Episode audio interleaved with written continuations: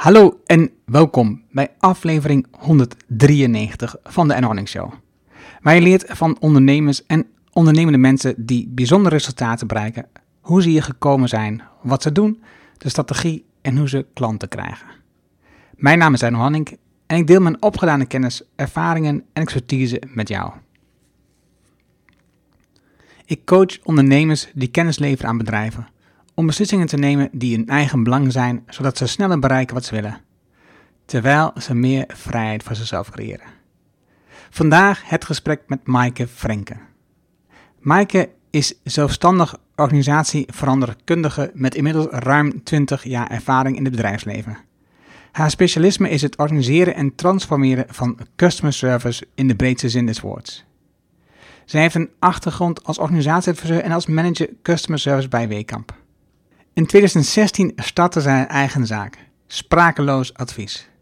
Als adviseur, sparringpartner, kritische spiegel en spreker helpt ze organisaties om beter voor hun klanten te zorgen.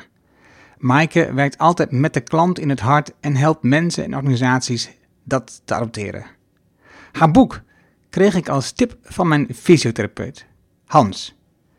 Nadat hij vrijdag enthousiast had gesproken, had ik het direct gekocht en in het weekend had ik het al grotendeels gelezen.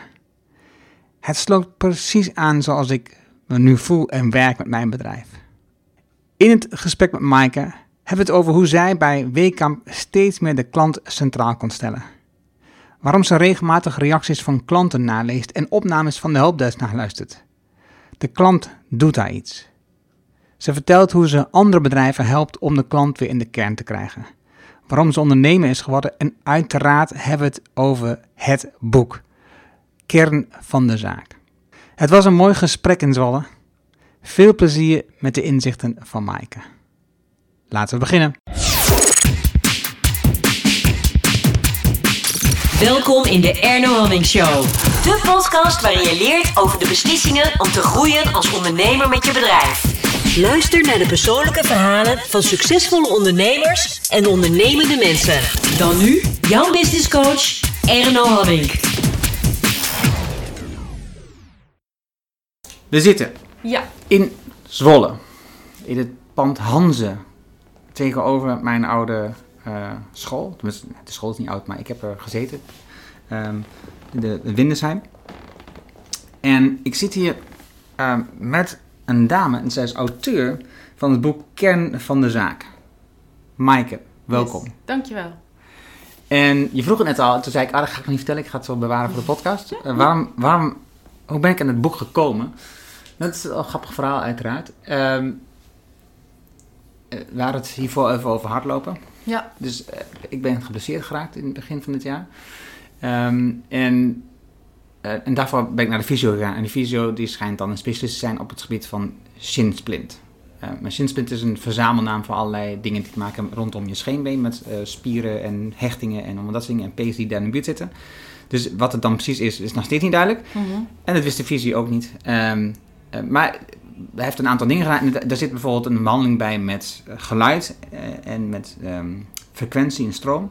En dat, en dat proces dat duurt 10 minuten. Dus dan zet je dat ding aan op, op de been en dan zit je 10 minuten zo van ja, oké, Ja. oké, wachten, wachten, wachten. En, dus, en ik kom in gesprek en ik ben altijd natuurlijk geïnteresseerd in ondernemersverhalen. Mhm. Dus ik vroeg hem van, god, ehm, en eh, hij heet ehm, Hans te- eh, ten Bos. Ben je mede-eigenaar van deze praktijk? En het is een vrij grote praktijk. En ja, ik ben eh, eh, een van de maten. Mhm. En, en toen kwam in gesprek over ondernemerschap. Ja. En, en toen eh, vertelde ik wat ik deed. En oh, zegt hij, ik heb een, ik heb een gaaf boek voor je. en ik ken die eh, auteur. En, eh, en hij heeft heel lang bij de Weekamp gewerkt. En dat is een gave kerel. En eh, ik ken hem goed. En komt uit Arnhem. En in dat boek, dat is een goed, goed boek. Ja. Ik zal het de volgende keer even meenemen. Daarna, ik zeg, ik, zal, ik kijk, bekijk het wel even. En, en, en waarschijnlijk koop ik het dan gewoon. Ja. Dus toen ehm, had ik het, dat, dat was denk ik vrijdag. Dus ik heb het boek gekocht uiteraard die middag al. Ma zaterdag ging ik in huis. En ik had al een heel deel gelezen toen ik maandag weer bij de fysio was. En Oh ja. hij had het boek bij zich. Oh. Maar ik zei, ja, het hoeft niet. Ik, heb, ik ben al een heel eind. Ik heb al een heel stuk gelezen. Ja. En, ehm, en het boek voor mij... En we gaan het straks hebben over het boek. Maar we beginnen eerst over, over jou zo meteen. Mhm. maar, maar het boek voor mij is zo ehm, logisch.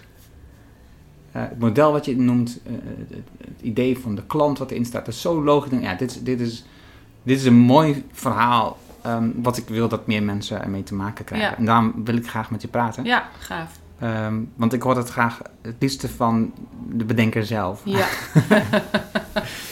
Ehm, maar voor, zoals ik al voordat we daar aan beginnen, gaan we even terug naar jouw begintijd. ja. Jouw VWO Mhm. eh, en het Else, Elshoff College. Mhm. Ehm, en, en van daaruit besluit je om bedrijfseconomie te gaan doen, bedrijfskunde. Ja. Wat, wat, is, wat, wat is die stap dat je het VWO, dat je kiest voor bedrijfskunde? Ja, dat was wel een heel bijzondere stap. Want ik wist echt tot en met eh, nou, februari of maart van mijn eh, eindexamenjaar wist ik echt nog niet wat ik wilde gaan studeren. En dat kwam omdat ik zoveel leuk vond. En ik had ook nog een, een, eh, een alfa- en beta pakket. Dus ik had eh, vier talen, maar ik had ook scheikunde, wiskunde B, eh, biologie. ehm, nou, de, de achtste ben ik even... Oh ja, economie had ik in mijn pakket. En dat was omdat ik zoveel leuk vond en het interesseerde me allemaal. En dat maakte dus de keuze voor een vervolgstudie voor mij heel ingewikkeld. Dus ik heb me georiënteerd op Nederlands, op de Hogeschool voor Toerisme en Verkeer in Breda. Ehm, ik eh, heb zelfs nog, ehm, ehm, wat was dat? Ja, ik weet het ook allemaal niet meer. Ik heb heel breed georiënteerd. En uiteindelijk toen eh, kwam de decaan waar ik al tien keer op bezoek was geweest en foldertjes had gehaald. Die kwam met een foldertje. Ja, dit zullen je ouders wel niet leuk vinden, maar misschien past dit bij jou. En dat was een folder van Nijenrode. En waarom mijn ouders dat dan niet leuk zouden vinden, is dat dat omdat dat dus een veel duurdere opleiding was dan, eh, dan gemiddeld. En ik nam dat mee naar huis en die eh, combineerde dus, ja, het was bedrijfskunde, maar die combineerde dat ehm, ja, met, eh, met talen. Je kon daar ook nog eh, Spaans doen en Engels en Duits en Frans en nou, veel sporten. Dus ehm, ja, dat trok me eigenlijk heel erg aan. En daar moest je natuurlijk wel selectie voor doen. En daar kwam ik doorheen. Dus eigenlijk ben ik zo in bedrijfskunde gerold en, eh, en heb ik daar die studie gedaan. En je had zoveel vakken, maar kon je op de VWO ook goed leren dus? Ik kon goed leren. Ehm, ik heb het er wel eens met mijn kinderen over die, eh, die eh, een beetje beginnen te puberen. En eh, dan, eh, dan zegt mijn moeder dus ook, hè, oma, die zegt dan tegen de kinderen van... Nou, maar Maaike die was vroeger zo braaf, zo braaf hoeft ook weer niet. En dat klopt wel. Ik zat altijd met een boek op de bank. En ik eh, vond het echt leuk om huiswerk te maken. En deed dat altijd heel conscientieus en netjes. En ja, ik vond leren, ja, nu... Toen dacht ik van, oh ja, ik ben een beetje een suffe muts. Dat werd me af en toe ook wel ingevreven. Maar nu, ach, nu noem ik dat anders. Ik vond leren echt heel leuk. En eh, daar deed ik ook mijn best voor. Dus het kwam me ook niet alleen maar aanwaaien of zo. Ik deed daar ook echt, eh, echt mijn best voor, ja. En eh, vonden je ouders het leuk dat je naar Nijenrode ging? Eh, ja, die waren wel heel trots. Ik bedoel, er komt geloof ik minder dan 10% eh, van wat zich aanmeldt door de selectie. En die waren heel trots. Maar toen ik de eerste weekenden thuis kwam, toen ik daar was begonnen... en op zondagavond toch wel eh, nou, bijna huilend weer eh, de bus instapte naar Nijmegen... om op de trein te stappen. Toen hadden ze iets van, ja, maar eh, dit is toch niet goed voor jou. En waar zat het hem in? Ja, je had daar nog echt zo'n beetje ouderwetse ontgroening. Eh, en dan denk je na een week van, nou, nu is het klaar, nu gaan we weer normaal doen. Maar die ontgroening die liep gewoon natuurlijk nog, eh, nog wel door. Dus de eerstejaars, die waren nog steeds, eh nou ja, sjaars en, eh, en eh, de pineut. Want op bepaalde bankjes op de campus mocht jij niet zitten als eerstejaars. Dan moest je opstaan als er ouderejaars langskwam. Ja, en ik, ik was daar echt wars van, van die, eh, van die flauwekul. Maar het raakte me ook wel. Ik vond dat echt niet leuk en echt niet oké. Dus ehm, ik ging daar toch wel de eerste twee maanden met een brok in mijn keel op zondagavond weer, eh, weer terug naar die wereld. ja, waarvan er ook heel veel dingen waren die ik niet zo leuk vond. Want wat raakte je daarin dan? Ehm, ja, misschien achteraf zou ik het benoemen als dat je dus gewoon niet als normaal mens met elkaar omgaat. Dat je niet kan zeggen, oké, dit is de ontgroeningsweek. Dat is ook een ritueel en deels ook een spel. En ik snapte daar ook nog wel de, het nut en de bedoeling van. Maar dat dat dan niet klaar is. En ik, ik, ja, ik hou er niet zo van als mensen je als, eh, letterlijk en figuurlijk als een nul wegzetten. Ehm, en wat ook maakte, weet je, dingen gingen ook heel geforceerd. Je moest een jaarclub vormen en je, ja, alles, alles, nou, achteraf noem ik het van ja, dat hele systeem. dat vond ik niet zo, niet zo tof. En wat mij raakte is dat ik denk van ja, maar zo, zo ben ik niet, maar zo wil ik ook niet worden. Eh, als, me dat, als dit van mij gevraagd wordt, dat staat gewoon te ver van mij af. Zo noem ik het nu. Maar die worsteling van ja, ga ik hier nou in mee? Of, of blijf ik dicht bij, uh, bij hoe ik het zelf het liefst zou willen? Ja, dat werd je bijna niet eens toegestaan om daar uh, je keuze of afwegingen te maken. Tenminste, zo voelde ik dat toen. Mhm. Was je even twee, drie maanden verder, dat bleek dus ook achteraf. Dan was het echt een, een, een super uh, leuke gemeenschap met ontzettend divers pluimage. En echt niet de standaard kakkers met, met rijke pappies. Want iedereen moest door de selectie. Dus je kwam daar echt niet vanwege je geld kwam je binnen. Maar je hebt wel geld nodig om uiteindelijk de studie te doen. Nou ja, tuurlijk. Maar het was gewoon, je kreeg gewoon studiebeurs hoor. Dus, en je kon gewoon lenen. Dus het was, wat het duur maakte, ogenschijnlijk, is dat je verplicht ook op de campus woonde. Precies. Dus in jouw hele collegegeld, om het zo maar te zeggen, zat, zat dus ook je, nou eigenlijk, eigenlijk je maan, maandelijkse huur en je, en je eten in de mensa zat daarbij in. Dus het leek allemaal heel duur. Van de andere kant, in drie jaar deed je je opleiding. Ja. In plaats van gemiddeld vier, vijf jaar op andere universiteiten. Dus Ja. het is allemaal maar hoe je, het, uh, hoe je het vergelijkt. Maar het had natuurlijk de naam van elitair en, uh, en, en duur. En wat voor mij de doorbraak gaf, was toen ik auditie deed voor de, uh, voor de band. Ze hadden ook een studentenband daar. De Booze Brothers. En um, daar deden ze auditie voor. En ze hadden zangeres nodig. En ik ben auditie gaan doen. En toen ben ik gekozen in de band. En ik denk dat dat zo november was of zo. Um, en dat, dat maakte voor mij echt een wereld van verschil. Want toen kwam ik dus in, in, in de band. Nou, ik vind zingen ontzettend leuk. Dus toen voelde ik me sowieso heel erg in mijn element. Maar die tweede en derdejaars, die deden daar dus gewoon eindelijk eens een keer normaal tegen je. En was je opeens je gel- ja, elkaars gelijken. En kon je, nou ja, ook buiten de repetities om, uh, had je opeens andere vriendschappen. Of hè, mensen die je kende. En toen dacht ik, oh hè. En mijn moeder zei dat ook achteraf. Ze zei, het eerste weekend dat jij niet thuis kwam... Uh, maar daar bleef, dat vond zij echt een heel goed teken. Zo van, oh, nu heeft ze het naar de zin. Maar dat kwam omdat ik toen in die band gekozen werd. Ja, dan heb ik dus vervolgens op alle gala's en feesten drie jaar lang gezongen en, veel plezier gemaakt. Ja. Ging jij toen jij de, zeg maar de, de, de ouderjaars was... Um, ook een plek opeens op dat bankje waar een eerstejaars zat? Nou, het grappige is dat wij vrij snel, toen ik eerstejaars was, uh, uh, te horen kregen dat de um, opleiding uh, zou worden opgeheven. dus er is na mij nooit meer een, een niet voor de BBA-opleiding, um, is geen lichting meer gekomen. Dus ze hebben nog wel MBA's, hè, nog steeds. Maar de opleiding die je daar kon doen direct na je VWO, Um, die, is, uh, die is na mij opgedoekt. Waarom? Ja, dat had toch met iets van subsidie te maken of zoiets. Dat was iets met de overheid en uh, nou, ik weet niet eens meer precies hoe dat zat. Maar die, uh, die, werd, die werd ingetrokken. ik weet niet eens hoe het precies zat. Ik weet nog wel dat we naar Den Haag zijn gegaan met z'n allen om te protesteren, te demonstreren. Maar um, nou, het had dus wel inderdaad met iets van de overheid. En, en was, was Joosjes van Aartsen of zo, was die oh, toen niet... Ja, ja, ja, ja ja volgens mij was hij toen minister van Onderwijs. Nelly Smit-Kroes was toen onze, onze president. Dat verhaal. Dus er is na mij nooit een, uh, een, uh, meer een nieuwe lichting gekomen. Dus ik kan het je eerlijk niet zeggen. Ik verbeeld me natuurlijk dat ik dat niet zou hebben gedaan. Um, je kon je ook aanmelden, hè, echt voor de ontgroeningscommissie. En uh, nou, ik verbeeld me dat ik dat, nou, dat ik dan niet mijn vinger had opgestoken van daar ligt voor mij een, een rol. Nee. nee. Je bent 21 dan als je van school komt? Ja, dan ben je 21 pas. Ja. En, um, en dan besluit je dat je nog niet genoeg geleerd hebt? Nou, uh, dan besluit je ook um, ja, dat je nog best wel jong bent. Dat je in die zin nog geen normaal studentenleven hebt meegemaakt. Omdat je toch in een hele kleine gemeenschap zit. Zeker als er na jou geen lichtingen meer komen. Ja, dan rond je op een gegeven moment echt met een man of 200 rond je je studie af. Je zit op een campus, dus het is gewoon toch een hele kleine wereld. Je zit niet in de studentenstad. Je zit in Breukelen, ergens op een landgoed. Ja. Um, het is heel beschermd. Het is heel uh, beschermd en een kleine wereld waar ik um, nou, toch ook wel de behoefte had van... ik wil ook nog wel het um, echte studentenleven tussen haakjes uh, meemaken. In een stad, aan een universiteit met meerdere uh, opleidingen en faculteiten. En ik had gewoon, ook plat gezegd, gewoon nog twee jaar beurs. Want je had in mijn tijd vijf jaar studiebeurs. Dus ik kon gewoon nog een kopstudie uh, gaan doen van twee jaar. En dat deden er meer na mij, uh, met mij. Sommigen gingen naar Erasmus Universiteit in, in Rotterdam. Er zijn een heel aantal nog verder gaan studeren in Amsterdam.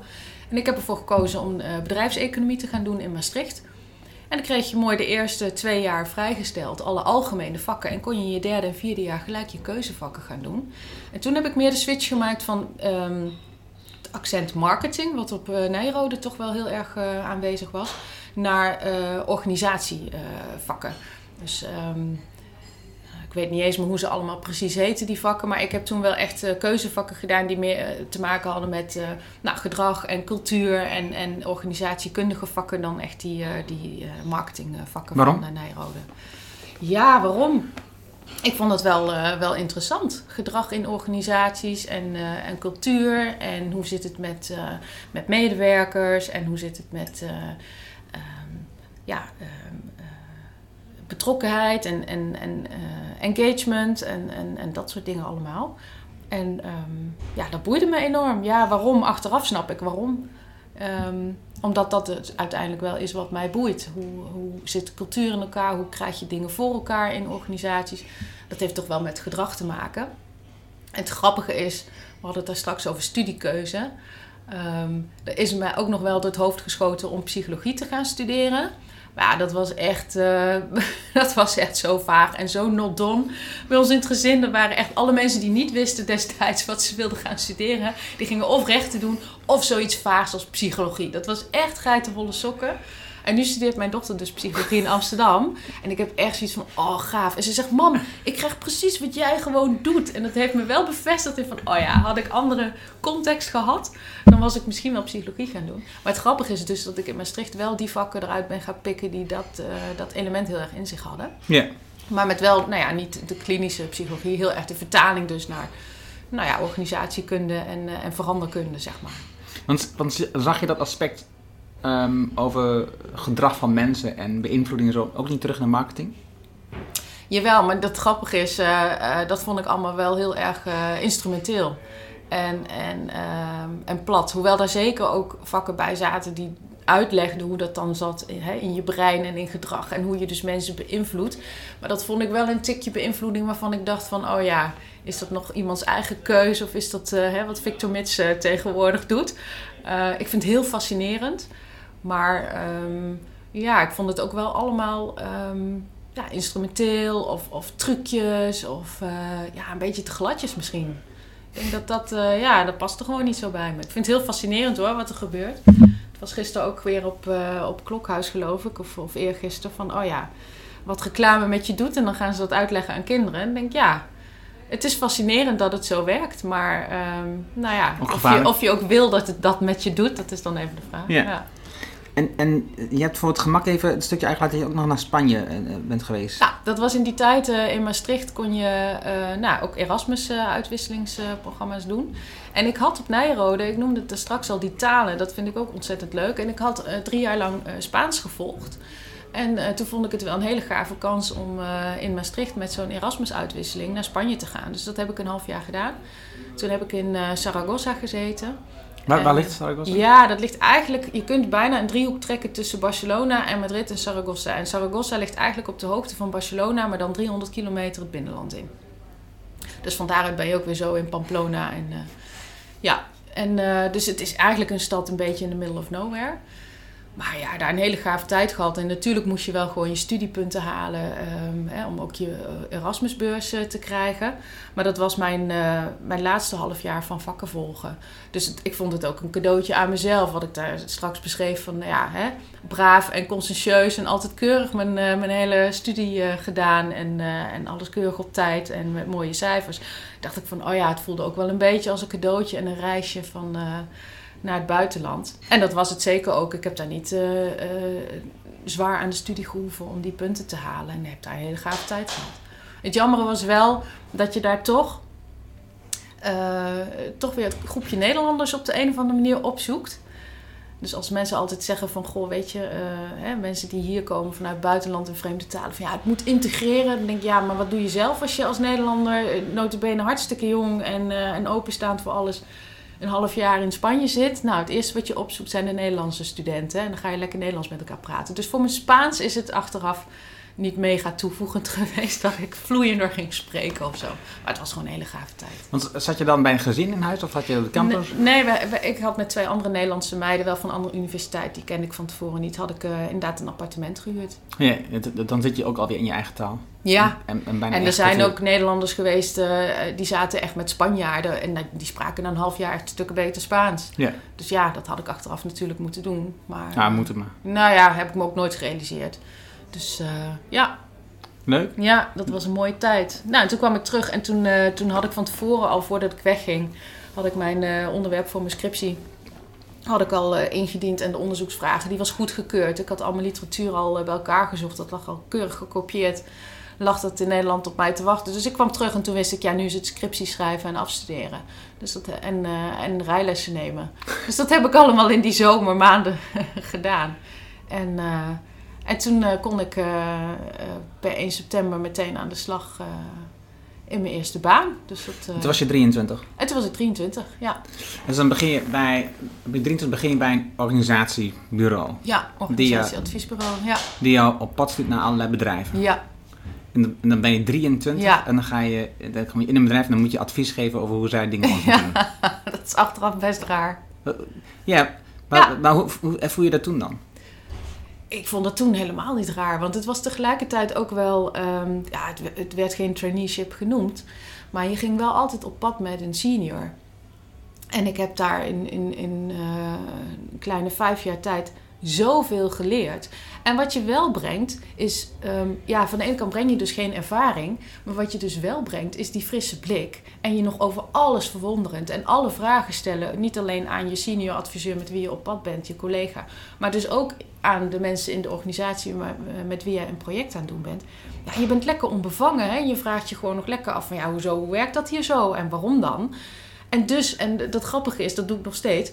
Maar ehm, ja, dat is dus wel van toegevoegde waarde. En je bent eh, jong, ambitieus en ontzettend graag leren. En, ehm, en eh, ja, gewoon handen uit de mouwen en, eh, en projectplannen maken. En voortgangsrapportages maken. En ja, ik heb daar ook onwijs veel van geleerd. Maar het was van de ene kant raar en van de andere kant denk ik... ja, ik snap wel wat je toevoegt. Ook al kom je koud van de, en, en fris van die universiteit.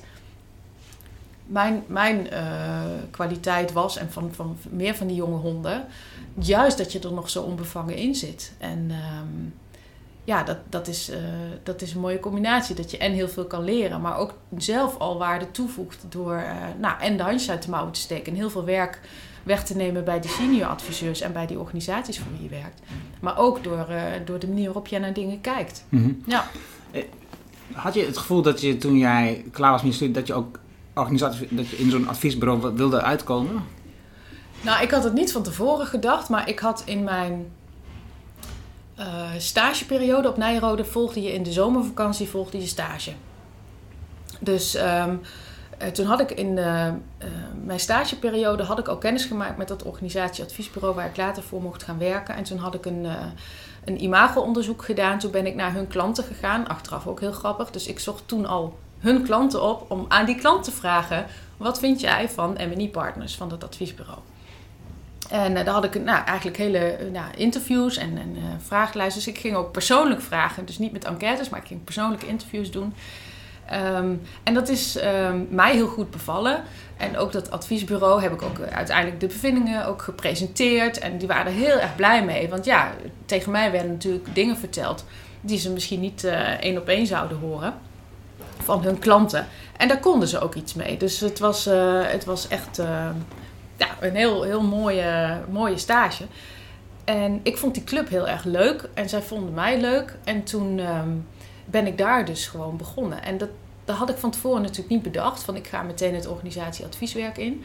Maar ehm, wat ik wel leuk aan vond, en dat is wat ik nu weer meemaak, is dat je kijkt in, in verschillende keukens, verschillende bedrijven. Er zijn heel veel dingen verschillend, maar er zitten ook altijd heel erg rode draden in, in hè, wat, wat er speelt in organisaties. En ik, ik hield wel enorm van de afwisseling, het veel leren. En het belangrijkste nog, en dat, dat geef ik nu ook aan mijn dochter mee, die koud een paar maanden psychologie studeert en zich nu al afvraagt: wat moet ik later met deze vakken eh, in mijn beroep en welk beroep krijg ik dan überhaupt? Dat ik ook zeg van joh, maar het gaat helemaal niet om van wat je ermee doet en of je er überhaupt iets mee doet, maar dat. ehm, eh, in het geval van de club waar ik voor mocht werken, dat ik een klik had met wat ze deden en dat ik een klik had met die mensen. Ik vond het echt een ontzettend leuke club mensen waar eh, hard gewerkt werd, eh, veel, je veel kon leren. je meteen mee mocht met zo'n senior die ook tijd voor je had om je te coachen.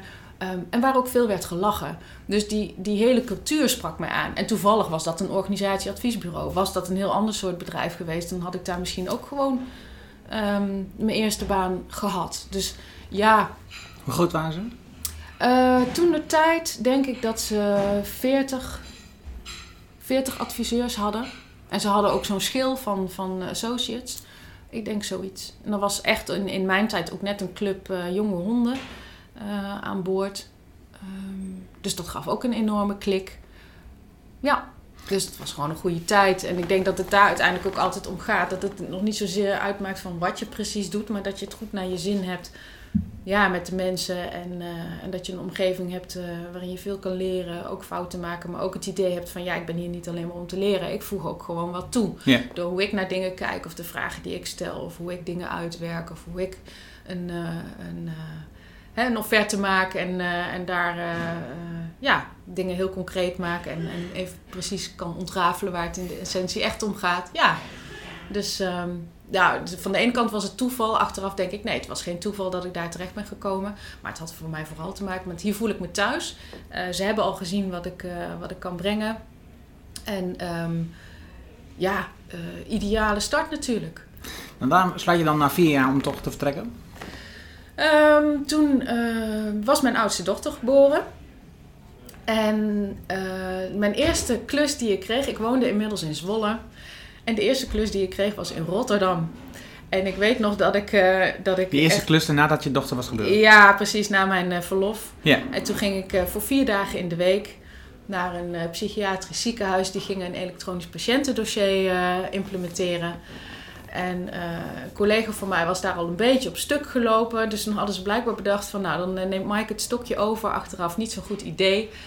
Ehm, ik heb er achteraf ook smakelijk om gelachen. Want eh, nog steeds zijn ziekenhuizen elektronische patiëntendossiers aan het implementeren. En achteraf denk ik ook van ja, wie was ik hè? Om, om daar 15 jaar geleden al eh, dappere pogingen toe te doen. Maar ehm, nog los daarvan, het was eh, een lastige eh, context om in te werken. Want ehm, dat geldt ook wel volgens mij voor, in het algemeen voor ziekenhuizen. Al die specialisten die willen allemaal wat anders in zo'n elektronisch patiëntendossier. Dus dat vond ik al heel lastig om, eh, om te managen. Maar ehm, heel plat, de reistijd die heeft mij gewoon genekt. En ik weet nog dat ik ehm, bijvoorbeeld, ik noem maar wat, eh, kwart over drie de trein nam eh, uit, eh, uit Rotterdam en dan weer terugkachelde naar Zwolle. Prima verbinding. Maar ja, als daar dan even iets misging, dat ik echt om vijf voor zes met een knalrood hoofd en het zweet op de rug bij het kinderdagverblijf stond. En, eh, en het gevoel had van jeetje, hè, nou, nou moet mijn avond nog beginnen. En ik heb eigenlijk mijn declarabele uurtjes nog niet gemaakt. Dus dat was gewoon vier dagen in de week zo'n eind van, van huis. En toen was eh, de kinderopvang ook nog niet van 's ochtends 7 uur tot 's avonds 7 uur eh, open en geregeld. Los van dan of je dat dan eh, had gewild. Dus ik kwam er eigenlijk achter van dit moet ik gewoon niet meer willen. Nou, toen hebben we nog wel onderzocht van, goh, kan ik dan klussen doen in regio Zwolle? Ja, dat is voor zo'n bu- bureau natuurlijk ook niet te managen. Het met bureau zit waar? in Amersfoort. Oké. Maar ja, daar is het gewoon heel plat. Weet je, als er een match is tussen een opdracht en, eh, en jouw eh, kwaliteiten en het is in Maastricht, dan ga je naar Maastricht. We kunnen niet zeggen van Maaike doet regio alles eh, ten noordoosten van Amersfoort. Dus ehm, dat hield gewoon eigenlijk op. Hoe jammer ik dat vond en hoe jammer zij dat ook vonden. En toen had ik eigenlijk heel sterk de wens van... ik wil voorlopig wel even op mijn fietsje naar mijn werk kunnen. Dus ik ben gaan kijken van wat vind ik gave bedrijven in Zwolle. En toen stond Weekamp wel bovenaan. En die hadden toevallig een vacature. Ehm, dat heette toen ehm, adviseur organisatieontwikkeling. Ja, dat was gewoon wat ik deed, maar dan gewoon intern en voor één Waarom, stond, waarom stonden zij bovenaan? Wat, wat trok je aan in die Wat trok mij aan in die club? Ehm, ja, de omvang en de diversiteit Hoe groot waren ze toen? Ja, toen hadden ze volgens mij nog wel 1200 medewerkers op de, in de hoogtijdagen, zeg maar. Van, eh, toen ook nog catalogie werden geproduceerd. Ja, dat waren hele afdelingen aan zich natuurlijk.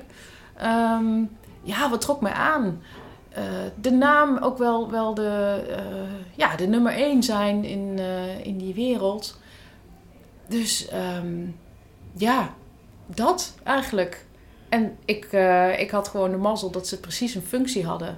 Die, waarvan ik dacht van ja, dat doe ik al. En, en dan kan ik dat nu voor één organisatie gaan doen. Hoe fijn is dat? En toen, en toen mocht ik daar inderdaad komen. Ja, en toen had ik nooit gedacht dat ik daar ruim 15 jaar zou, zou werken. Dat is ook wel bijzonder hoor. Dat bedenk je ook niet van tevoren. 15 jaar op je fiets naar je werk. 15 jaar op de fiets naar je werk met opgroeiende kindjes. Dat was echt... Luxe. Dat was echt een luxe. Ja, wat een feest is dat. Ja, ja. kan het iedereen aanraden. Ja, nee, nee, nee, ik snap het helemaal. Ja, ja, maar goed, dat was natuurlijk niet de belangrijkste reden, maar wel, wel hoe ik ben gaan zoeken.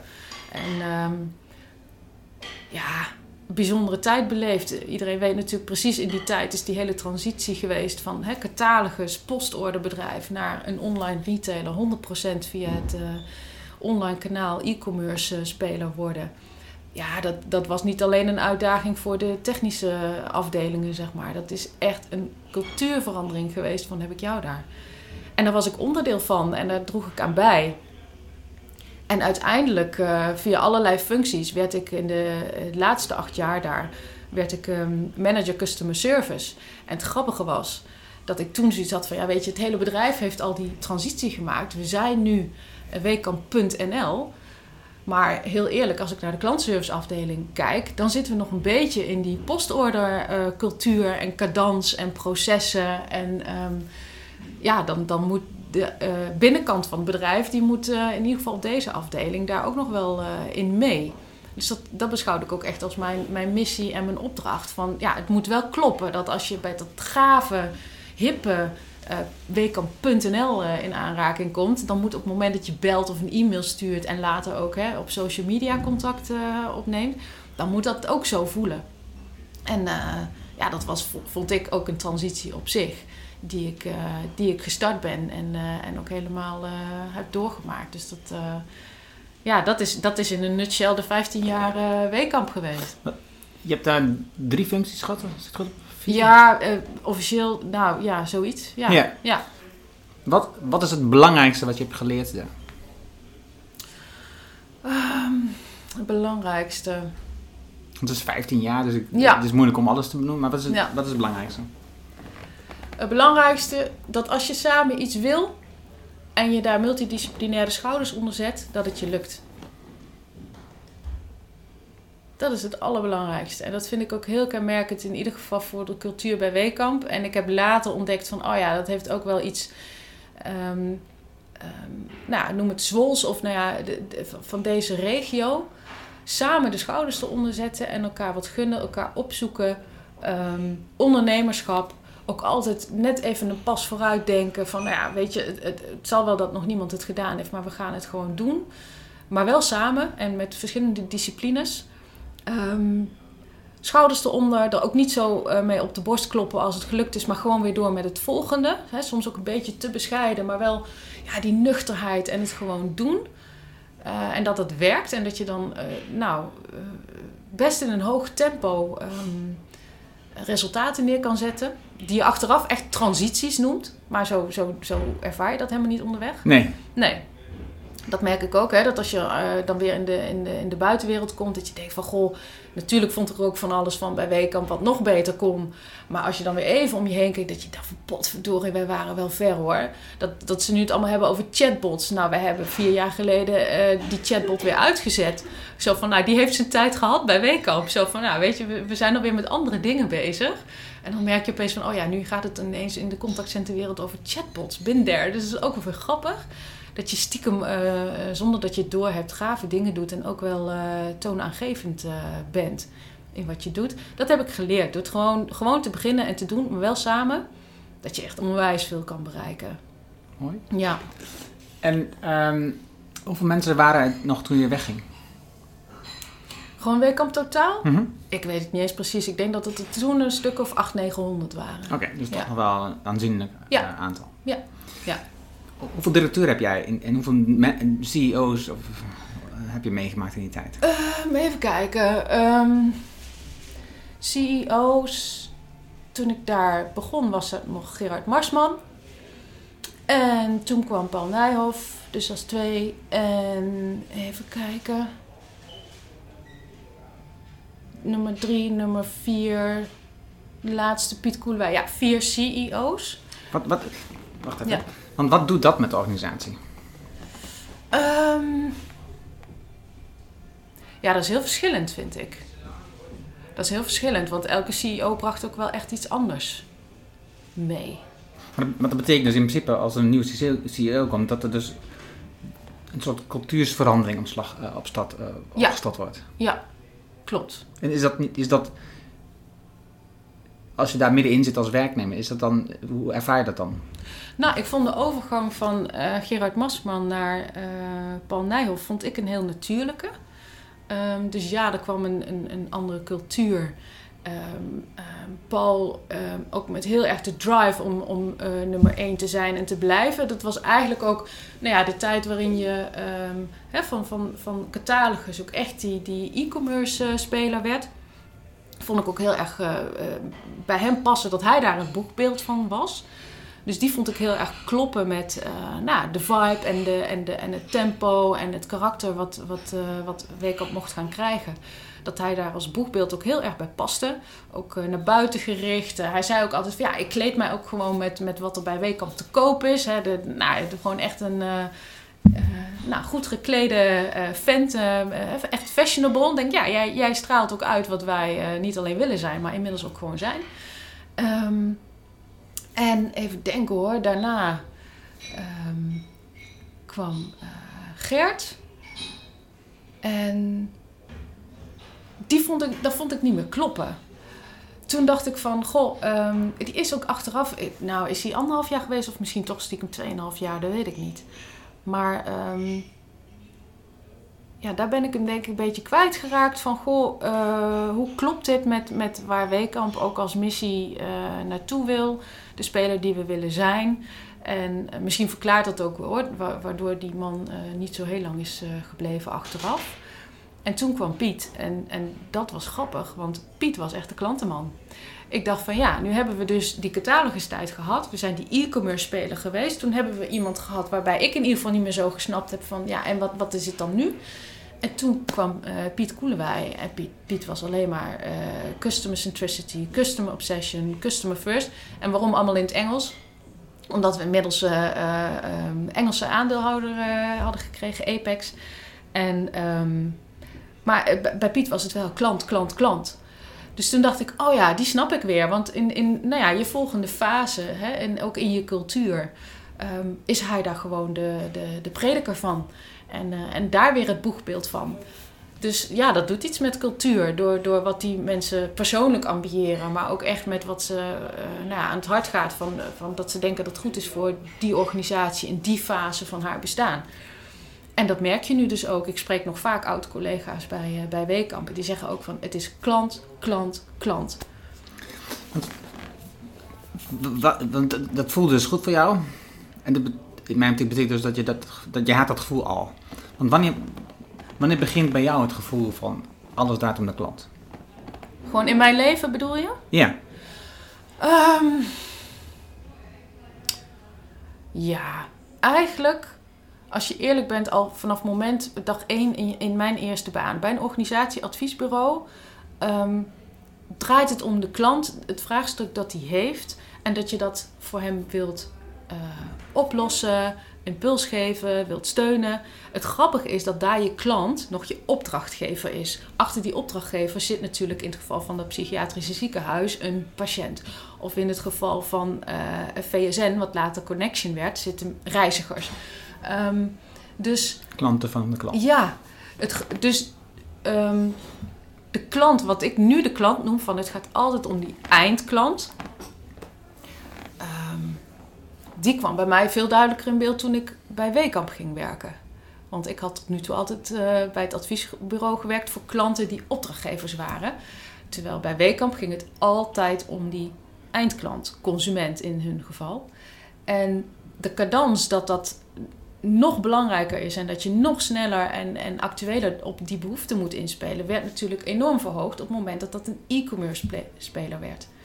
Want ehm, ja, het ritme van een catalogus maken, dat was letterlijk twee keer per jaar de dikke plof, zoals het genoemd werd, zo'n boekwerk van bijna twee kilo op de deurmat.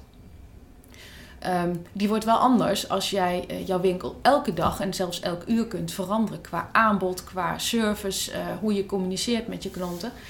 En um, dat besef dat het echt gaat om die klant en dat, dat je zelfs, uh, zeker bij een e-commerce speler, elke minuut zelfs aan de knoppen kan zitten. En, en hoe jouw winkel eruit ziet, ingespeeld op de behoeften van die consument. Ja, dat is wel echt bij Weekamp ontstaan. En het grappige is, het eerste project dat ik, uh, dat ik daar uh, deed, toen ik bij Weekamp binnenkwam, was het vervangen van het uh, systeem waarin de, waarmee de klantcontactcentermedewerkers werkten. Dus het grappige is, van, het ging om een systeemverandering.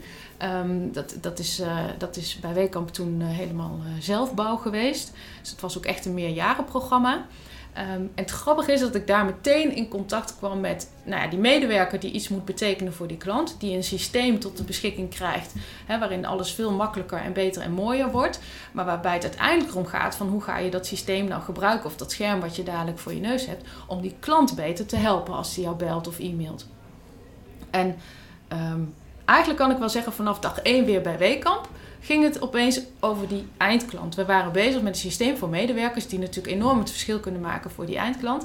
Maar um, het ging voor mij in ieder geval uh, wel steeds over van hoe ga je die klant dan beter helpen en wat heb je dan dus daar, als je dat vertaalt, nodig in je systeem. Of dat nou data zijn of knoppen op je scherm of wel, hoe, hoe overzichtelijk moet je scherm zijn, waar moet wat staan. Um, maar steeds gekoppeld vanuit de klantvraag. We hebben het systeem ook letterlijk gebouwd aan de hand van nou, 100 en zoveel uh, klantvragen. Zo van, dit zijn de meest voorkomende vragen. Hoe ga je die beantwoorden? En dan pas de vertaling maken naar... oké, dan heb je dit dus op dat moment op je scherm nodig. Dus dat was eigenlijk wel meteen die eindklant in beeld vanaf dag één dat ik bij, uh, bij Weekamp kwam werken. Dus dat was nog in die hoedanigheid, hè, in, dat, uh, in dat project. Dat als, als je dan kijkt... Als ik dan, dat... En dat is de rode draad gebleven. Ja, dat, ja. is, is super helder. Ja. Maar als je dan kijkt, want als je de, de plof op de mat hebt... Dan, dan, kan ik me voorstellen dat op dat moment een enorme piek aan ja. uh, klantvragen, bestellingen, klantcontact is. Ja. En dan ga je naar een online omgeving en dan, dan verspreidt zich, dan verdeelt het contact, contact zich eigenlijk over 24 uur, iedere dag. Ja, klopt. Wat, wat, wat doet dat met de organisatie? Nou, dat, dat is, ten eerste is dat niet uh, een soort knop om geweest in de zin van, nou ja, vanaf uh, morgen hebben we geen catalogus meer. Letterlijk in de loop van de jaren zijn die catalogi dunner geworden. Werd het op een gegeven moment een soort van inspiratiemagazine om je te bewegen van ga, uh, hè, dit, dit, dit zijn de looks voor het voorjaar. Uh, dit hebben wij zo'n beetje allemaal in huis. En, en, ga nu online kijken en dan vind je nog meer.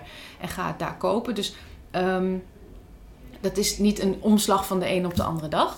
Maar de, um, ja, die, die cadans, dat je dus um, A, het niet allemaal van tevoren bedenkt voor die klant wat hij wel eens zou willen kopen. En dat, dat toon je in een catalogus en dan ga je afwachten of, of de vraag komt. Nee, je zit elke dag bovenop die vraag. Ja, dat, dat is bijna niet te beschrijven. Als je in die jaren uh, foto's zou hebben gemaakt van hoe Weekamp er ook letterlijk uitzag qua medewerkers. Hoe die zich kleden, hoe het pand van, van binnen um, eruit ziet. Dan zie je letterlijk al aan al dat soort dingen wat het betekent als je die omslag maakt in, in, in cultuur, ook in ritme. Um, letterlijk het tempo is omhoog gegaan. Het is veel korter op de bal. Um, kortere vergaderingen. Um, alleen al het feit dat je uh, zo kan tappen uit hè, data die je vanuit je website krijgt, die meteen worden doorgespeeld van mensen die aan het inkopen zijn. Er wordt veel gezocht op deze termen. Hè. Koop nog maar een, uh, een, een extra partij. Ja, dat is ongekend. Dat is echt ongekend. En ik heb het meegemaakt. Ik zat daar middenin 15 jaar lang. Maar dat gaat niet van de een op de andere dag. Maar het is wel iets ja, wat, wat geleidelijk ontstaat. En, en, en wat ik ook wel tof vind, is dat het, het gros van de medewerkers is daarin meegekund. Weet je, het is niet alleen een verandering die bij Weekamp plaatsvond. In de hele maatschappij is natuurlijk het tempo omhoog gegaan. Dus het is ook niet zo dat, um, dat je als mens daar uh, uh, sowieso niet mee geconfronteerd werd. Maar het is wel gewoon heel grappig om, uh, om te zien. Het is echt anders. Het is de, eh, het agile werken, het scrummen, het, het, ja, het noem maar op. In die tijd komt ook Tony Shine met Zappos. Ja. Daar heb je vast uh, naar gekeken en meegemaakt en, Ja. en, en ook zijn boek. Wat, wat, wat, wat vond je daarvan? Wat vond je van zijn ehm, visie? Nou, eh, ik weet nog wel dat eh Zappos, dat werd wel echt ehm, ook wel gezien als lichtend voorbeeld. Zo van, hé, hey, zo, hè, als je zo eh, met klanten eh, omgaat, als je zo ehm, eh, je service definieert, om het zo maar te zeggen. ehm, die cultuur, ja, dat, dat werd wel als voorbeeld gebruikt. Hè? Als je het dan in je, in, je, in je meerjarenplannen en in je komend jaarplan had over... nou, waar gaat het heen? Niet alleen qua weekkamp, maar ook qua customer service. Ja, dan werd er ook wel geroepen van... ja, Sappels, hè, wij willen zijn zoals Sappels. Nou, iets later werd dat dan ook wel... Hè, wij willen zijn zoals bijvoorbeeld Coolblue. Alles, alles voor een glimlach. Ehm, een kreet als een 9-plus organisatie willen zijn. Hè? Service excellence. Ehm, ehm, qua hoe de hele website in elkaar zit, voorbeeld als Amazon. Dus ja, er werd wel heel erg uit de buitenwereld getapt van, goh, eh, lichtende voorbeelden van, hé, hey, zo kan het ook. En ik heb ook altijd wel gevonden van, joh, als je, eh, net zoals Bol of, of eh, Coolblue of andere spelers, als je vanaf dag één al bijna als e-commerce speler begint, ehm, zonder een geschiedenis van 50 jaar, dan maak je gewoon andere keuzes. En natuurlijk is het heel gaaf om dan te kijken van... hé, hey, wat doen die organisaties anders? Wat doen ze ook vooral niet meer? Ehm, ja, dat, dat, wat ik van, die, van dat soort voorbeelden vind... En, en de missie die dat soort leiders hebben in organisaties... ja, ik vind dat heel, vooral heel verfrissend. Het helpt mij altijd om je af te vragen van... als ik vandaag deze organisatie weer op een blanco vel papier zou, uh, zou mogen inrichten hoe zou ik dat doen en welke ballast zou ik allemaal niet meer meenemen? Wat zou ik vooral niet meer doen? En dat hebben we ook letterlijk nou ja, ons, ons regelmatig ook bij Weekamp afgevraagd. Van hey, um, kunnen we ook zonder? Kan het ook anders? Kunnen we het ook niet meer doen? En echt um, vereenvoudigen, versimpelen in alle facetten. Of dat nou uh, systemen waren en de oude mainframe spaghetti brei... tot en met de processen, hoe je met klanten omgaat... tot en met vijf lagen diepe keuzemenu's die we hebben gesloopt als je, als je ging bellen. Van ja... Dat, dat, dat is, uh, het is verfrissend als anderen het uh, simpeler doen. Ja. ja. Dan kom je in die tijd, kom je um, tegen is niet een goed woord, hè, je, je, je, werkt met hem samen, Maurits Hoefnagels. Ja. En, um, uh, da, en dan ga je, op een bepaald moment kom je tot de conclusie, da, daar gaan we een boek mee schrijven. Ja. Um, voor je tijd, in 2017 besluit je om voor jezelf te beginnen. Ja. Wat is, wat is daar de aanleiding toe? Heb je daar, is daar iets waardoor je denkt, nou, ik, ik wil nu voor mezelf beginnen? Nou, het grappige is net zoals met een boek schrijven of uh, waar we het er straks over hadden, een half marathon lopen. Uh, voor mezelf beginnen, dat, dat was ook zoiets, dat had ik eigenlijk al een jaar of tien. Hè? Ik heb uiteindelijk meer dan 15 jaar bij Weekamp gewerkt. En um, vijf jaar organisatie advieswereld. En toen dacht ik van, nou ja, met een jaar of vijf, zes, dan, uh, dan is misschien de tijd om voor mezelf te beginnen, wist ik veel. Maar wel als een soort latent iets op de achtergrond van, nou, ooit ga ik dat doen. Ooit ga ik een boek schrijven, ooit ga ik een halve marathon lopen. En, um, ooit ga ik voor mezelf beginnen? Ja, precies. Ooit ga ik voor mezelf beginnen. Ik weet niet waarom. Um, maar ja, het is, het is er dus wel van gekomen. En het moment was daar omdat ik merkte van... Goh, we hadden de hele transitie gemaakt. Ik was um, acht jaar manager customer service.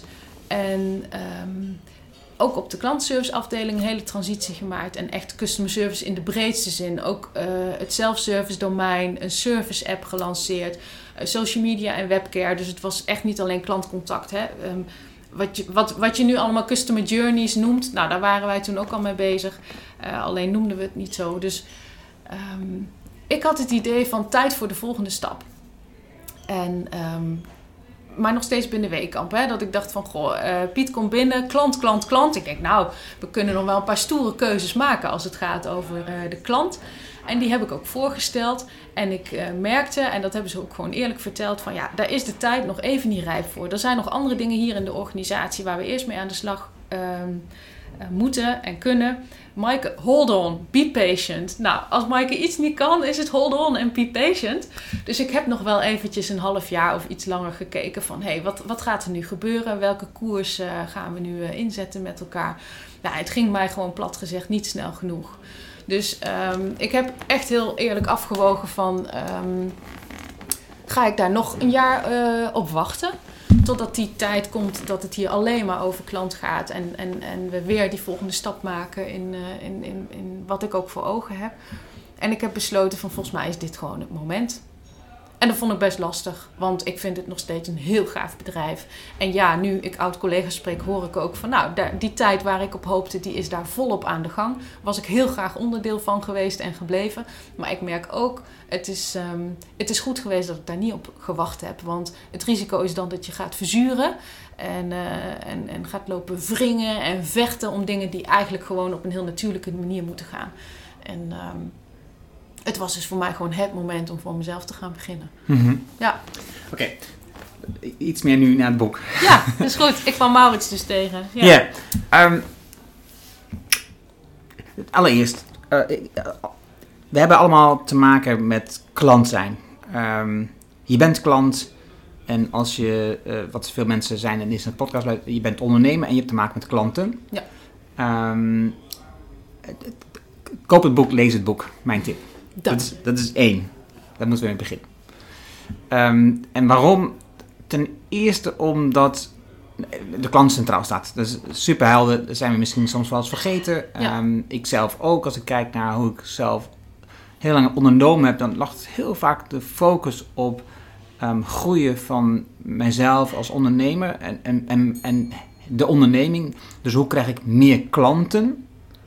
En dus focus op een, doel, een doelstelling voor meer omzet, meer klanten, in plaats van de focus op de klant die je nu hebt. Mhm. En- en Dat zie ik veel. Bij veel ondernemers is dat een hele doelgerichte focus. Je hebt een jaarplan, een omzet, eh, met richtlijnen, ehm, eh, met ja, kwartaaldoelen.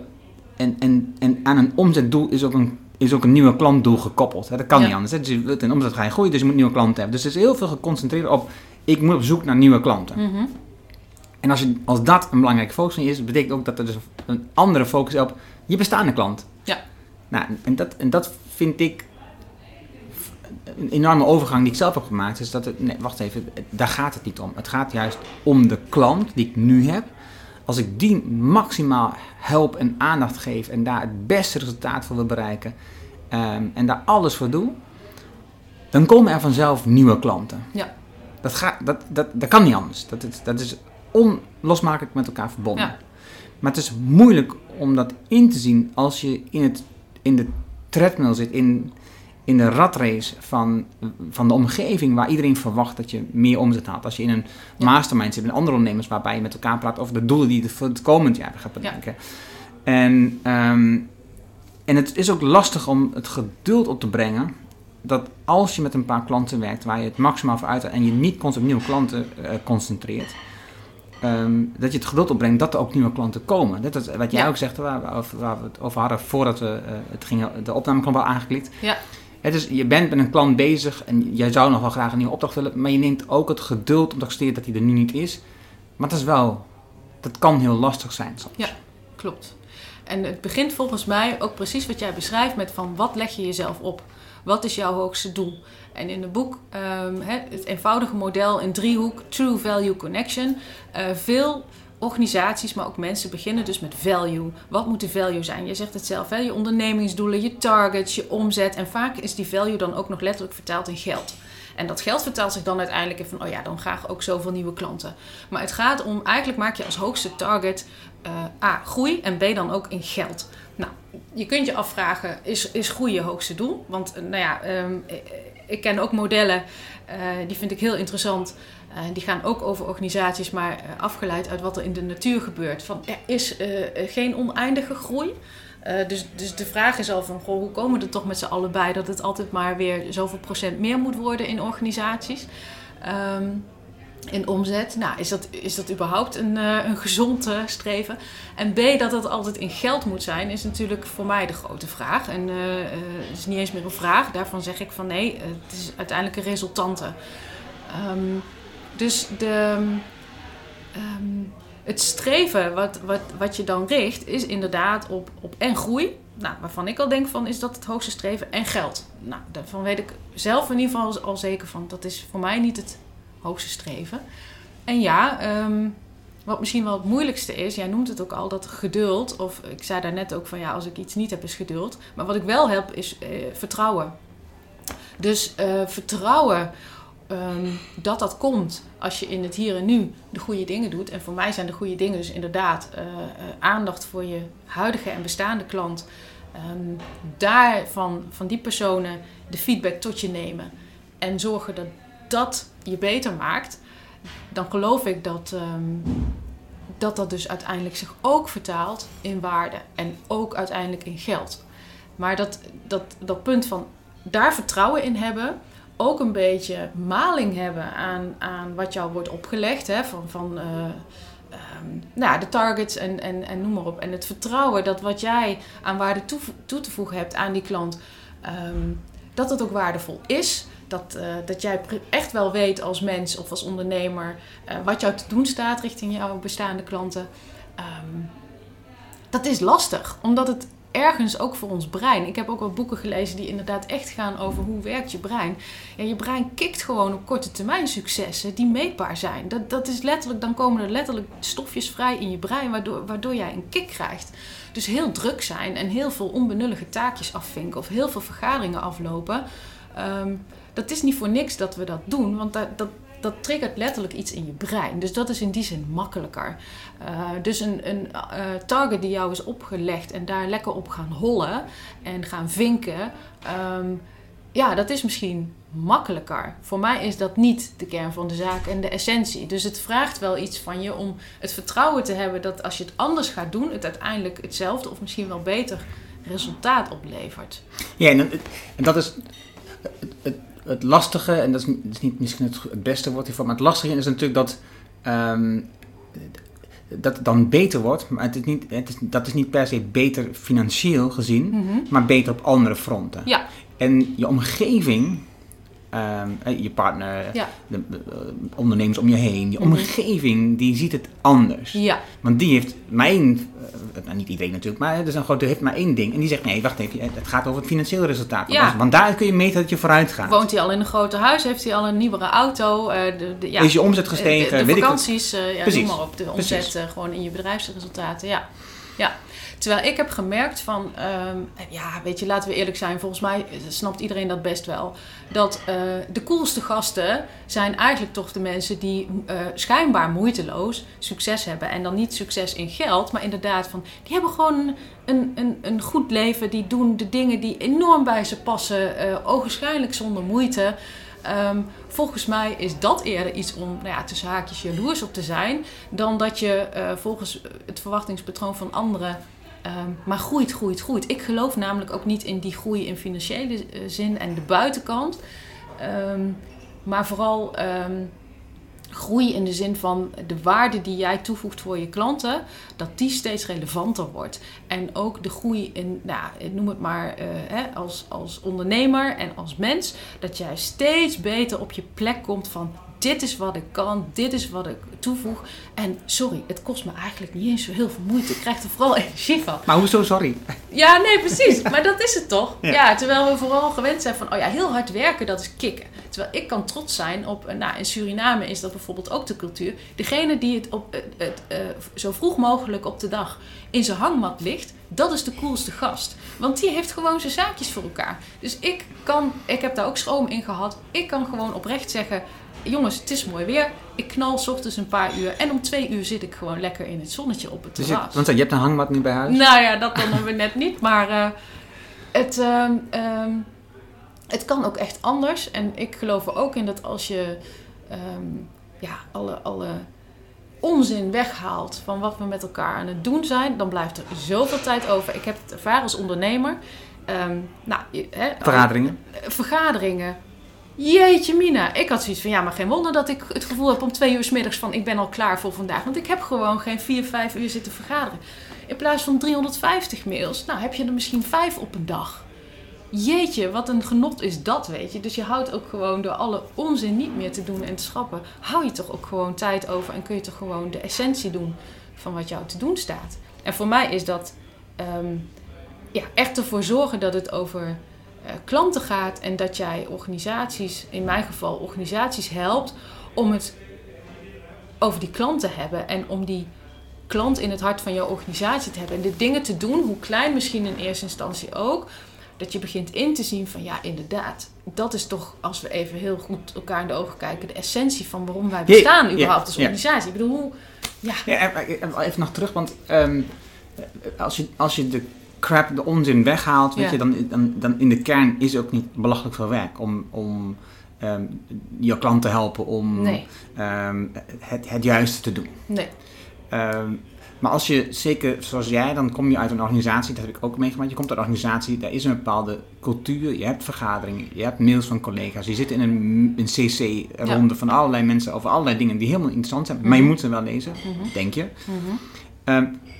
En, en dan kom ik terug op die omgeving. Die omgeving is ook dat proces gewend. Ja. Dus als jij dan onderneemt Ja. en, en je, je zegt om twee uur ik ben klaar, Mhm. dan zegt de omgeving, wat ben je aan het doen? Ja. Je, moet, je bent ondernemer, je moet hard werken. Je moet toch, je moet toch op zijn minst Ja. 50 uur in de week werken, anders eh, gaat Ja. dat nooit goed komen. Ja. Had je dat niet? Nou, eh, heel eerlijk, kijk, bij Weekamp ging ik niet om twee uur al eh, de deur uit. Nee. Hoor. Zo was het dus inderdaad niet. Ehm, ik heb ook eh, geen eh, werkweken van 80 uur gedraaid. Dus, eh, Nee, maar nu als, als ondernemer bent. Ja. Nu je ondernemer bent, heb je niet het gevoel dat je omgeving denkt van... als jij om twee uur in de hangmat gaat hangen, bij wijze van... ja. dat mensen zeggen, huh, dat kan niet. Nou, wat ik gemerkt heb van, kijk, de ene dag doe ik dat wel. Om twee uur is, is het gewoon klaar voor vandaag. En ik kan dat gewoon bij mezelf heel goed toetsen en voelen. En ehm, nou, time management eh, eh, achtige ehm, eh, boeken en theorieën.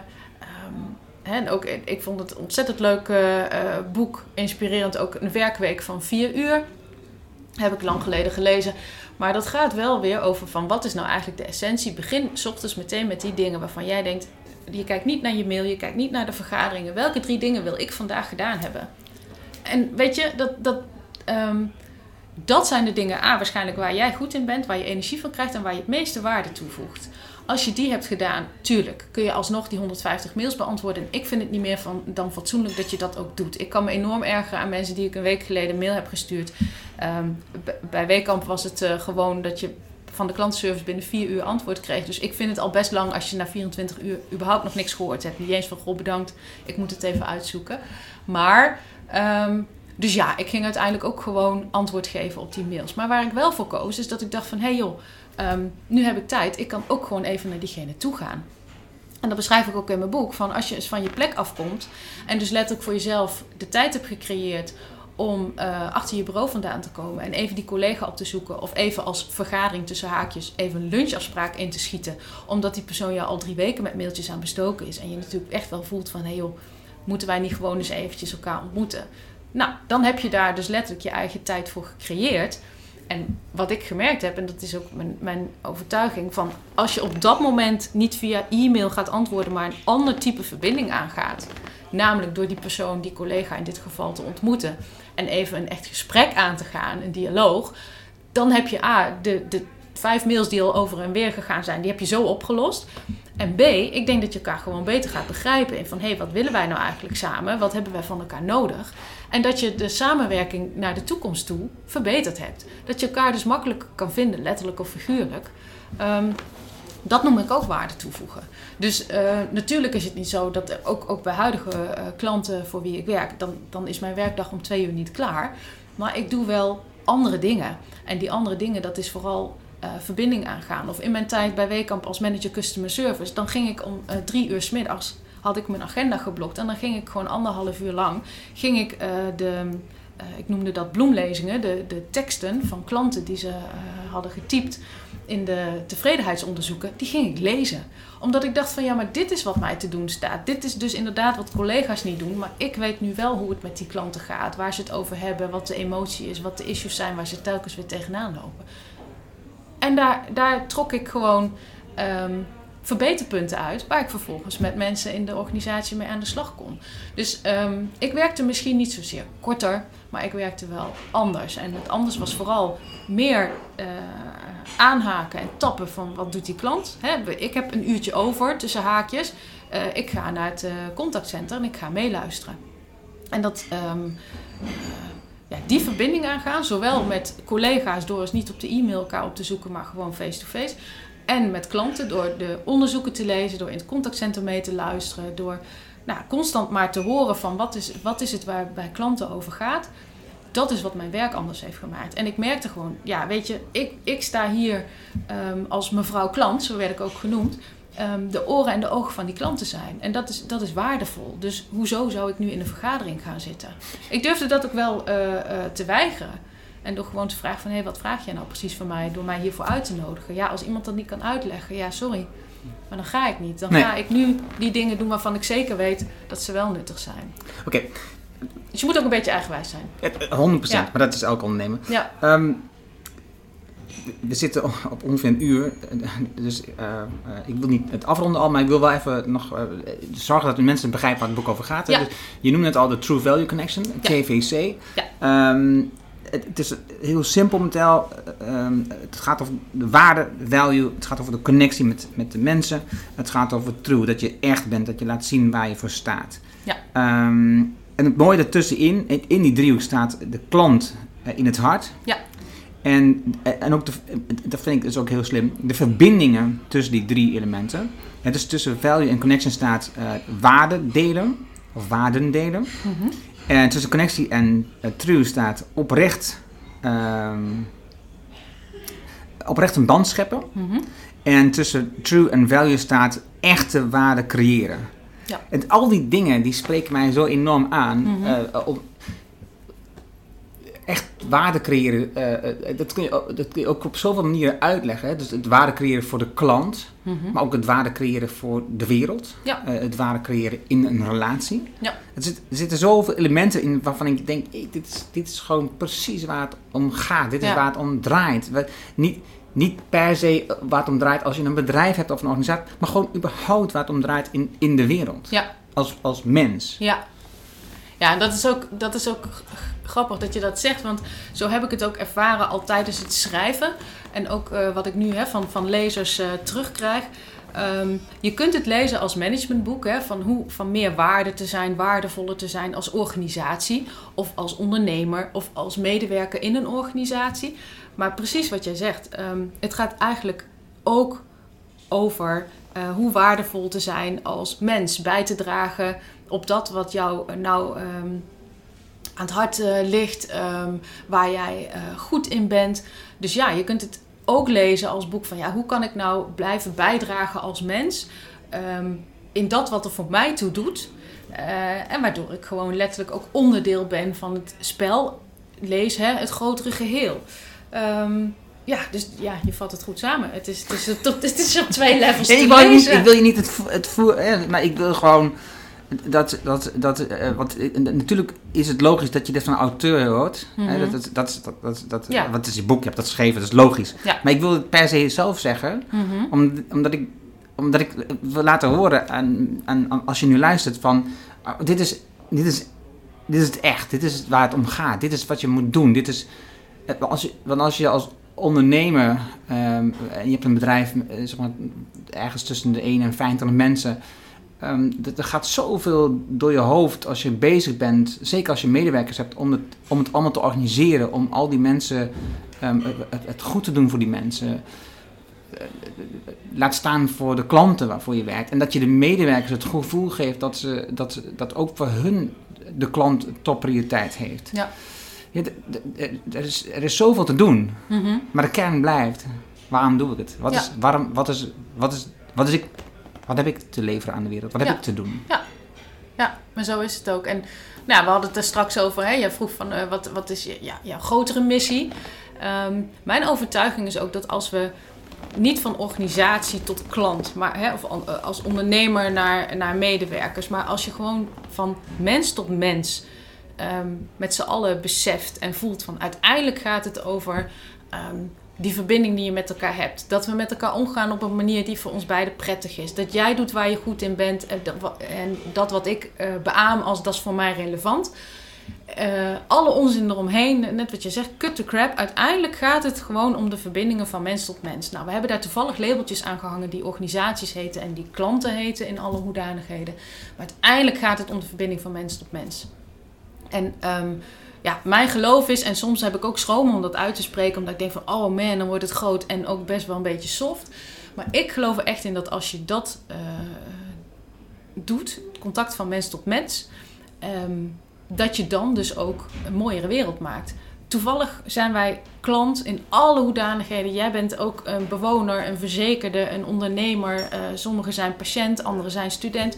We zijn allemaal klant en allemaal worden we door organisaties op een bepaalde manier behandeld en bejegend. Als wij die contacten, als we die wat vriendelijker en beter en, en, en um, verschilliger kunnen maken in plaats van onverschilliger. Als wij die mens zien, die klant dus zien, maar eigenlijk is het maar gewoon een mens. Ja, dan geloof ik er echt in dat daardoor die wereld een beetje mooier wordt. Als jij vanochtend als klant een organisatie hebt gebeld en je bent daar in één keer. Ah, je kwam in één keer uh, uh, bij iemand terecht in plaats van een wachtrij. Je hoefde geen keuzemenu's door. Je werd snel en goed geholpen. Je had antwoord, of in ieder geval de belofte van een antwoord dat snel zou komen. Je weet met wie je gesproken hebt. Misschien heb je zelfs het rechtstreekse nummer gekregen. Dan is jouw dag echt een beetje beter geworden. Want je voelt je serieus genomen als klant en je voelt je gezien. En eigenlijk voel je je dan gewoon gezien als mens. Want dat is volgens mij waar het om gaat. En dan is het niet mevrouw of meneer van organisatie X of Y die tegen jou praat, maar dan is er een mens die als mens tegen jou praat. Als we dat met z'n allen een beetje beter doen, ja, en ik geloof er echt in, dat is niet moeilijk. Nou, we hebben het er ook over gehad, blijkbaar is het wel moeilijk, anders deden we het met z'n allen al. Maar ik heb ervaren en ik heb ook een, een handvol tips, echt, echt pagina's vol concrete tips in het boek. Je kunt echt klein en simpel beginnen. Ja, je moet je gewoontes uh, en je gedrag veranderen. Soms is dat lastig, maar het kan echt klein en simpel. Ja, ik geloof er echt in. Het is misschien uh, erg groot en erg soft, maar dan wordt de wereld echt een beetje mooier. Oké, okay, één tip uh, die ik nog wil noemen, want ik, uh, dan heb ik nog drie vragen voor je. Mm -hmm. um, de tip die ik heb gepakt uit het boek als een experiment is de tip van onverwachte ontmoetingen. Ja. En ik heb hem ook in mijn blog geschreven, dus de, artikel, de link staat in, um, in de show notes. En um, dat, is, dat is dat je aan mensen in je omgeving vraagt met wie moet ik eens gaan koffie drinken. Ja. Zonder dat je aan hun uitlegt uh, waarom. Zonder dat je uitleg krijgt van die persoon waarom dat um, zou moeten. Ja. Um, wat, wat betekent het experiment voor jou?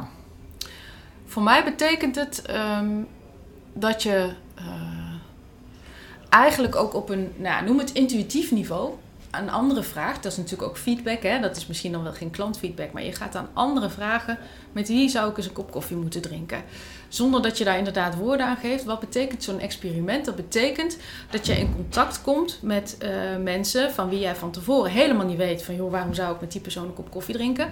Dat betekent al dat je er... Um, opener en onbevangener ingaat, dus zonder doel. Nou, in mijn driehoek eigenlijk dus zonder vooropgestelde waarde. Van ik wil hier een opdracht uithalen of ik wil die persoon spreken, want die is zo interessant voor mijn netwerk of noem maar op. Je gaat er onbevangen heen. En dat is eigenlijk de kern van het experiment. Jij gaat in contact komen met mensen, waardoor je alleen maar door jezelf te brengen, dus zonder vooropgestelde agenda en zonder hoger doel, um, eigenlijk gaat ervaren wat het is om echt contact te maken en om eens te, af te tasten van hé, hey, uh, waarom zitten wij hier eigenlijk een kop koffie te drinken? Ah, het is natuurlijk ontzettend leuk, maar het oefent jou in um, ja, wat ik dus inderdaad noem onverwachte verbindingen maken. Um, breng nou eens gewoon alleen maar jezelf mee. Um, zonder je labeltjes, je petjes. en ga, ga eens, uh, ja, dat is best een beetje spannend, maar ga eens gewoon zo'n gesprek aan. Nou, de ene keer levert dat superleuke gesprekken op, die dan uh, meteen of later ook nog van waarde blijken te zijn. De andere keer niet. Dan zit je elkaar na een half uur nog lazer aan te kijken van, goh, hoe heeft hij of zij ooit bedacht dat wij samen een kop koffie zouden moeten drinken. Maar het, A, het oefent jou wel. En B, mijn, mijn overtuiging is, want dat is wel mijn overtuiging achter uh, de theorie van de, de onverwachte uh, verbindingen. Dat hoe meer verbindingen jij legt die misschien niet zo um, in jouw straatje passen of, of, of, of, logisch zouden zijn vanuit dat wat je altijd doet. Hoe um, flexibeler jij wordt, dat geldt voor jou als persoon, maar ook als onderneming omdat um, ja, die, die wereld verandert natuurlijk ontzettend snel. En um, in je hersenen werkt het ook zo. Als er één gebiedje uitvalt, hoe sneller jij weer nieuwe verbindingen weet te leggen, dat, dat is letterlijk overleven. Of je arm weer kunnen gebruiken of wat dan ook. Um, dat is voor mij ook de theorie achter de onverwachte verbindingen. Hoe meer gekke, noem ik het dan maar even tussen haakjes, verbindingen jij legt met mensen of, of, of organisaties waarvan je echt denkt van ja, wat hebben wij eigenlijk met elkaar? Hoe sneller jij kunt schakelen in een steeds veranderende wereld. En um, voor mij is dat dus gewoon eigenlijk, als je het zo eh, beschouwt, de sleutel naar eh, innovatiekracht, maar ook overlevingskracht. Jij, kunt dan, jij leert dan letterlijk snel te kunnen schakelen. Ja, en snel schakelen is in deze wereld gewoon ehm, eh, heel hard nodig en jouw, jouw sleutel tot bestaansrecht. Oké, nu heb ik nog maar twee vragen, want we zijn al zo lang aan de praat. En het, het is nog steeds heel interessant, dat is niet het issue, maar we hebben ook nog andere dingen te doen. Ja, Ehm, stel je hebt een billboard.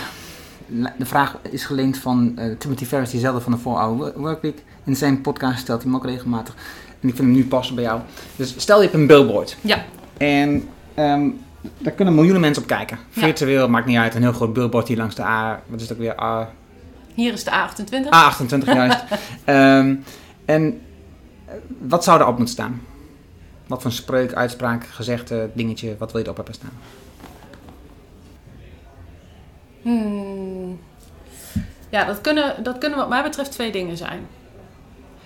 Dat kan, eh, dat kan een ehm, billboard zijn met maar twee woorden. En dat is zie mij.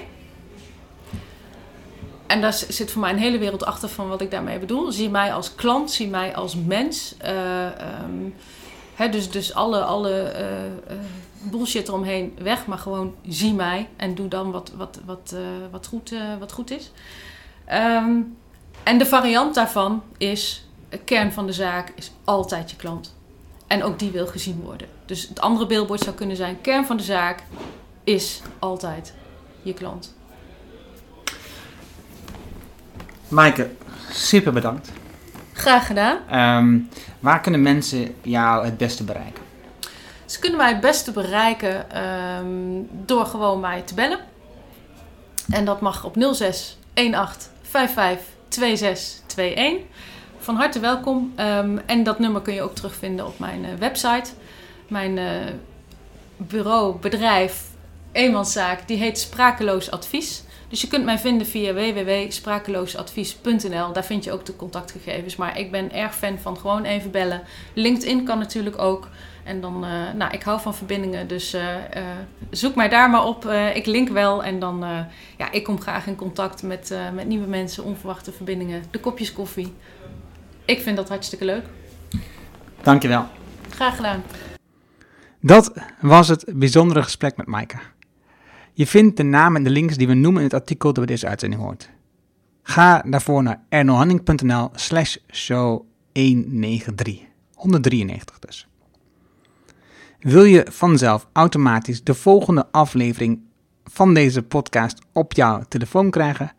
En dat kan heel eenvoudig, bijvoorbeeld als je een iPhone hebt, want er zit namelijk standaard de Apple Podcast app op. Zoek in deze app naar de Adam Hanning Show, klik op abonneer en vanaf dat moment krijg je vanzelf de volgende aflevering. Heb je een vraag over deze aflevering van... Heb je een vraag over deze aflevering met Maaike? Stuur me dan een e-mail op podcast.ernohanning.nl Want dan weet ik namelijk dat het over de podcast gaat. Ik hoor super graag van jou. Wil jij weten wat de 11 winstoptimalisatie-elementen zijn voor online marketing en verkoop? Vraag dan het gratis boekje aan. Dit doe je op winstoptimalisatieboekje.nl. De digitale versie krijg je helemaal gratis en voor het fysieke boekje betaal je alleen de verzendkosten. Dat is echt niks. Vraag jouw boekje nu aan op winstoptimalisatieboekje.nl. Je leest het in één avond uit. Winstoptimalisatieboekje.nl.